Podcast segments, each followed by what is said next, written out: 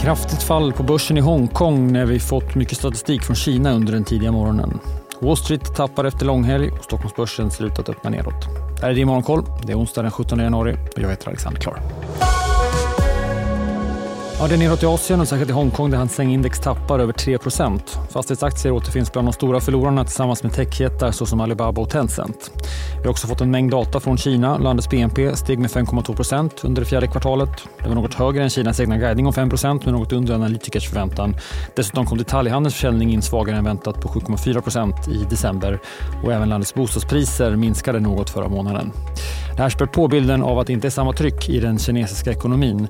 Samtidigt så ska sägas att landets industriproduktion var något bättre än väntat. Och för i år, 2024, spås Kinas BNP stiga med 4,6 procent. Tokyobörsen stiger och är ett undantag i Asien. Även därifrån statistik var Tankan-rapporten som visade på fallande stämningsläge bland landets industribolag. Framförallt är man oroad över utvecklingen i Kina. Wall Street stängde ner första dagen efter långhelg. S&P 500 tappade knappt en halv procent medan tech höll emot bättre och backade endast svagt. Särskilt bra gick chiptillverkaren AMD som steg kraftigt, upp 8 procent. Den amerikanska rapportperioden ligger något före vår egen. Vi fick ytterligare bankrapporter igår. Goldman Sachs steg något efter att man gjort ett bättre resultat för Q4 än väntat, både gällande intäkter och resultat per aktie. Kollegan Morgan Stanley rapporterade högre intäkter med något svagare vinst och aktien föll 4% igår. Flygbolaget Spirit Airlines rasade 50 procent sedan en federal domare ställt sig i vägen för JetBlues planerade köp av lågprisbolaget och menar att ett sammangående skulle missgynna resenären.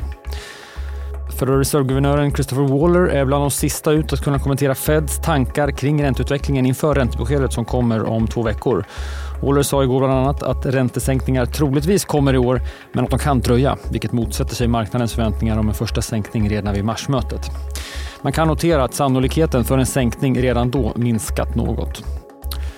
Och från Davos, där Ekonomiskt forum pågår, sa IMF-chefen Gita Gopinath att effekten av Federal Reserves räntehöjningar har bara slagit igenom till 75 procent ännu. Först senare i år kommer den fulla effekten av åtstramningarna bli kännbar, sa valutafondschefen till CNBC.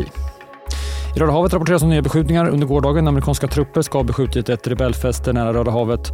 Och igår valde även oljebolaget Shell att sluta frakta genom Röda havet under en överskådlig tid sedan de USA-ledda flygattackerna mot huthirebeller i Jemen ökat oron för vedeldningar. Och på tal om olja så får vi en OPEC-prognos senare idag.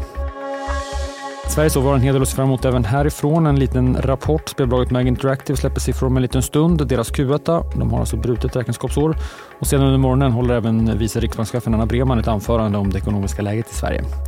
Vi har precis fått siffror som visar att matförsäljningen ökade i landet med drygt 6% i december. Men bortsett från inflationen och prisökningarna så var själva ökningen endast knappt 1% visar siffror från Svensk dagligvaruhandel. Mer data under dagen, men från annat håll. Brittisk inflation och producentpriser väntas, liksom definitiv inflationsstatistik för euroområdet under förmiddagen. Och så i eftermiddag från USA en del också detaljhandelsstatistik för december och senare på kvällen Feds konjunkturrapport Beigebook som stämmer av läget i de olika Fed-distrikten.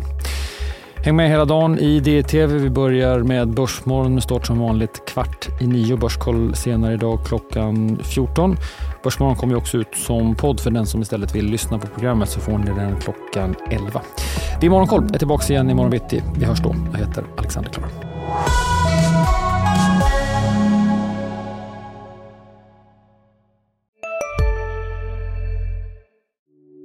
Hej, Ulf Kristersson här. På många sätt är det en mörk tid vi lever i.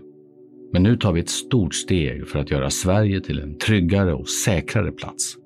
Sverige är nu medlem i Nato. En för alla, alla för en. Där det finns ett samhälle, där finns det brott. Krimrummet är podden som tar brottsligheten på allvar. Jag bjuder in landets ledande experter och tar upp aktuella rättegångsfall för att begripliggöra den kriminalitet som kryper allt närmare. Du, alltså, du kan knäcka ett eller några gäng, men det kommer komma nya och så kan vi knäcka dem sen. Men att du ska knäcka allt forever, det kommer aldrig ske. Det är infinite gain. Lyssna på Krimrummet, en podd från Expressen med mig Kim Malmgren.